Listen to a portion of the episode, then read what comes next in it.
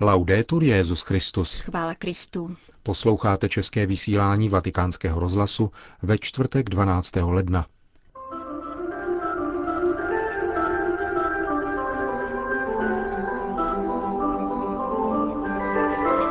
Benedikt XVI. přijal představitele městského magistrátu a hejtmanství kraje Lácio. Ve Spojených státech se skončila apoštolská vizitace ženských řeholních řádů. Skromná, obětavá, ale též zvídavá a rozhodná. Taková byla papežova sestra Marie Ratzingerová, jejíž životní příběh vám přiblížíme v druhé části pořadu. Ke kterému přejí hezký poslech. Jana Gruberová a Milan Glázer. Zprávy vatikánského rozhlasu. Vatikán. Zatímco vrcholí detailní přípravy prvního setkání svatého otce s novým italským ministerským předsedou Máriem Montim, plánovaného na tuto sobotu, Benedikt XVI. se i dnes setkal s představiteli italského politického světa. Jako tradičně přijal na počátku nového roku regionální zástupce státní zprávy, hejtmanku kraje Lazio Renátu Polverini, římského starostu Giovanniho Alemana a předsedu římské provincie Nikolu Zingarettiho. Papežova promluva se soustředila na tři palčivá témata týkající se nejenom italského hlavního města. Hospodářskou krizi, boj s kriminalitou a meziobčanskou solidaritu. Svatý otec opětovně poukázal na původ ekonomického kolapsu v krizi etických hodnot a vyzval k obnově lidskosti. Současná krize vyplývá z individualismu, který zastínuje vztahové vazby člověka a přivádí jej k uzavírání se do vlastního světa, k uspokojování a naplňování vlastních potřeb a přání s mizivým ohledem na druhé. Plodem této individualistické mentality je spekulace v bytové otázce, obtížné začlenění mladých lidí na pracovním trhu, osamělost seniorů, lhostejnost k chudým a lidem na okraji společnosti. Je zapotřebí, aby se člověk znovu vztáhl k Bohu. Riscoprire questa relazionalità come elemento costitutivo della propria esistenza. Opětovně objevit tento vztah jako základní prvek vlastní existence je prvním krokem k poličtění společnosti. Je rovněž úkolem institucí, aby v každém člověku povzbuzovali vědomí, že je součástí jednoho celku a že je pro tento celek důležitý, podobně jako je tomu v lidském těle. Benedikt XVI. vyzval politiky, aby věnovali větší pozornost a podporu oblastem, na kterých závisí dobro společnosti. Patří k ním rodina založená na manželství a generace mladých lidí. Papež rovněž poukázal na nutnost výchovy k legalitě a úctě k právu. Institucím je svěřena úloha jít příkladem v respektování zákonů a vydávat spravedlivá a nestraná nařízení, která berou na zřetel rovněž božský zákon, vepsaný do srdcí lidí a rozumově poznatelný. Výzev před nimi stojíme je mnoho a jsou složité. Je možné obstát pouze do té míry, do jaké uznáme, že osud každého z nás je provázán s osudem všech.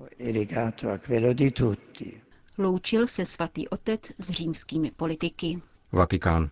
Katolické hnutí neokatechumenátní cesta dostává svou vlastní a plnou instituční formu. Po deset let trvajícím schvalovacím řízení oznámí svatý otec zakončení tohoto procesu na setkání se členy tohoto hnutí 20. ledna v aule Pavla VI. Tato komunita byla založena roku 1964 Franciskem Arguelem zvaným Kiko a Carmen Hernandézovou. Papežská rada pro lajky totiž loni v prosinci schválila liturgickou praxi neokatechumenátní cesty. Již dříve, roku 2008, byla po pětiletém zkušebním období definitivně schválena její statuta a koncem roku 2010 bylo schváleno rovněž katechetické direktorium, což je zásadní dokument tohoto hnutí, které svoji působnost soustředí právě na katechezi. Poslední krok schvalovacího procesu se týkal liturgie neokatechumenátní cesty.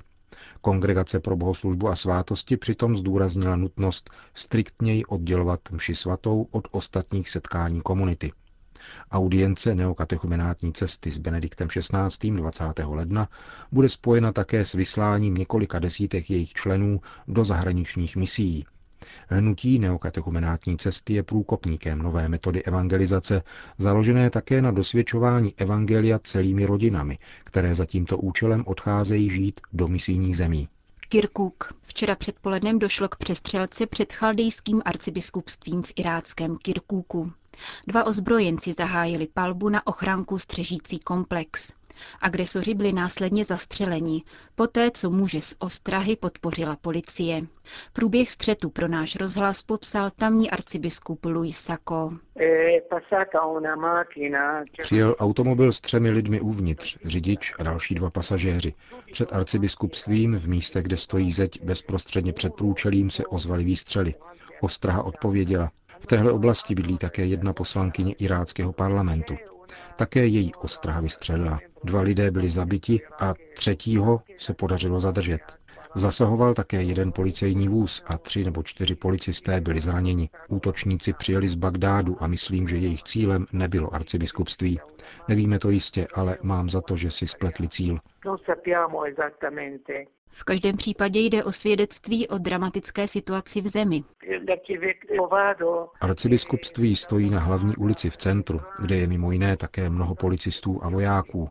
Tihle lidé přijeli z Bagdádu a nevěděli tedy, kam přesně jet. Ocitli se před jednou z našich stráží a začali střílet, aniž by věděli, proti komu střílí. Je pravda, že situace je trochu napjatá, chybí pořádek i kontrola v zemi. My jsme se ale nevyděsili. Vracel jsem se v té chvíli právě z jedné farnosti, takže jsem i hned dorazil na místo, abych muže z ochranky a další přítomné povzbudil. Nemáme strach. Dneska odpoledne budeme slavit Eucharistii na poděkování. Řekl arcibiskup Kirkuku Luis Sacco ke včerejšímu dramatu před budovou arcibiskupství. Vatikán, Washington.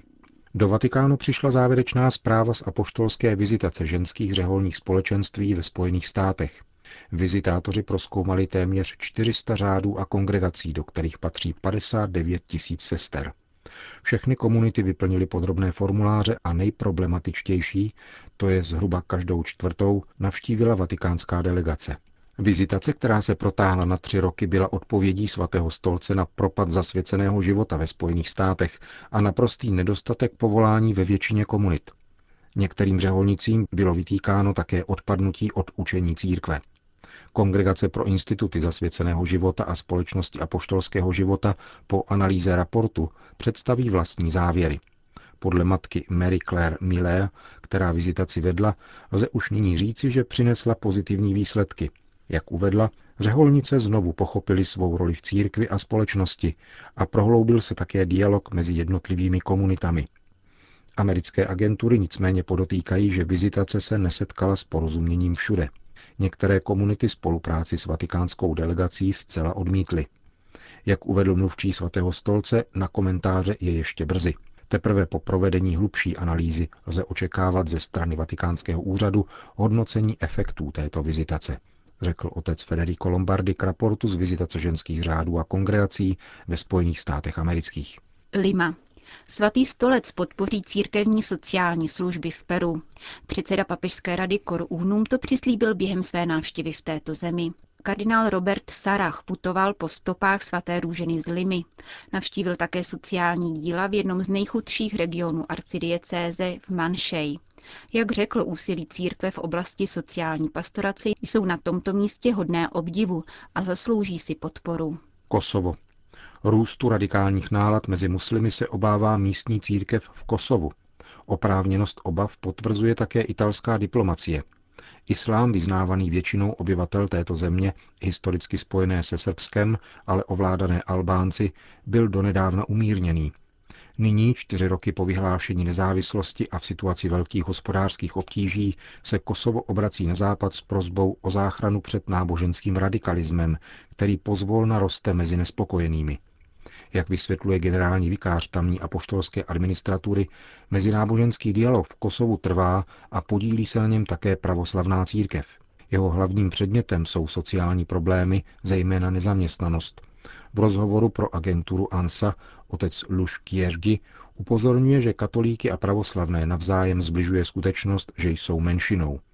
Největší výzvou je překročit izolaci také ve vztazích mezi křesťany – jsme sesterskými církvemi a nelze vylučovat nikoho, kdo náleží do jiné komunity, řekl otec Gjergi. Konec zpráv.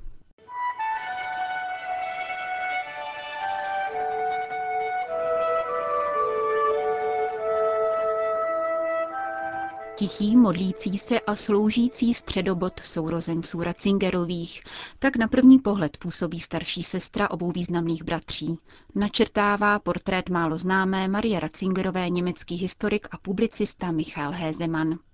Zdá se, jako by zůstávala ve stínu dvou skutečných géniů, světově proslulého zbormistra a největšího teologa německého jazyka.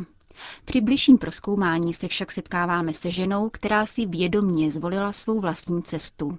Byla skromná, obětavá, avšak též sebejistá a zvídavá. V tom se ostatně příliš nelišila od své matky, která dlouho žila samostatně v Salzburku, Mnichově a Hanau, byla výdělečně činná a provdala se na svou dobu nezvykle pozdě, až v 630 letech. Rodinné fotografie ukazují papežovu matku jako krásnou a hrdou ženu, která si dovedla poradit v každé situaci. Když oba její synové nastoupili do semináře a rodině nestačil otcův výdělek, neváhala si najít zaměstnání, aby finančně vypomohla. Její nejstarší dcera Marie se narodila 7. prosince 1921 v Pleiskirchen. Od mladšího Georga ji dělili více než dva roky. Zatímco nejmladší Josef přišel na svět o pět a půl roku později. Po základní škole v Marktlu a Titmoningu toužila po dráze učitelky, avšak tento záměr opustila ze dvou důvodů. Musela by studium absolvovat v době nacismu a nepřímo tak sloužit jeho ideologii, což stejně jako její bratři i otec odmítla. Druhá příčina byla prozaická. Seminární studia obou bratří zatížila již nemálo rodinný rozpočet. Marie tedy navštěvovala klášterní školu v Au am Inn, kde se učila vedení domácnosti, avšak rovněž účetnictví, těsnopisu a psaní na stroji. Po absolutoriu pracovala jako sekretářka v jednom traunštajnském obchodě a po válce jako sekretářka v Mnichovské advokátní kanceláři. Když byl její bratr Josef povolán jako profesor dogmatiky na Bonskou univerzitu, rozhodla se jej Marie následovat a kromě vedení domácnosti mu pomáhat i jako sekretářka, korektorka i asistentka. Historik Michal Hézeman, který je spoluautorem knihy Georga Ratzingera Můj bratr papež, se přitom domnívá, že tato nová role papežovu starší sestru lákala a naplňovala. Život v univerzitním městě a akademickém prostředí jí vynahradil její vlastní neumožněné vzdělání. Existuje mnoho fotografií, na nichž sedí v první řadě po boku svého bratra na přednáškách a konferencích. Přepisovala a redigovala Ratzingerovy rukopisy, vyhledávala odkazy a prameny, přijímala univerzitní profesory i studenty. Se svým bratrem posléze odešla také do Mníchova a Říma. V Itálii s ním prožila devět let až do své smrti. Marie Ratzingerová čerpala svou životní sílu a odvahu z hluboké a žité víry, zdůrazňuje německý historik. Při vší intelektuálnosti nikdy nestratila své sepětí s venkovem a s domovinou. Byla členkou třetího řádu svatého Františka, což jí umožnilo žít ve světě, avšak zároveň dostat svému vnitřnímu povolání k životu v modlitbě. V postojích všech tří sourozenců Ratzingerových se v neobyčejné míře snoubí čistota srdce, skromnost, ochota ke službě a duchovní brilantnost. Stejně jako mladší Josef, také Marie se držela spíše v pozadí a neprodírala se ku předu. Jistě zde svou roli sehrál i příklad jejich otce, jeho škování jeho současníci nikdy neoznačovali za panské či povýšené, ačkoliv mu k tomu jeho postavení četníka na malém městě mohlo skýtat let kterou příležitost. Od svědků víme, že otec dnešního papeže vystupoval i při výkonu úřední moci vždy zdvořile, korektně a skromně. Marie Ratzingerová zemřela 2. listopadu 1991 v Řeznu, poté co o svátku všech svatých navštívila hroby svých rodičů. Podlehla mozkovému krvácení v důsledku srdečního infarktu. Bylo jí necelých 70 let. Smuteční oznámení formuloval její bratr Georg. Mimo jiné na něm stálo po 34 let sloužila svému bratru Josefovi na všech zastávkách jeho života v neúnavném odevzdání, v dobrotě a velké pokoře. Říká německý historik Michal Hézeman o papežově starší sestře.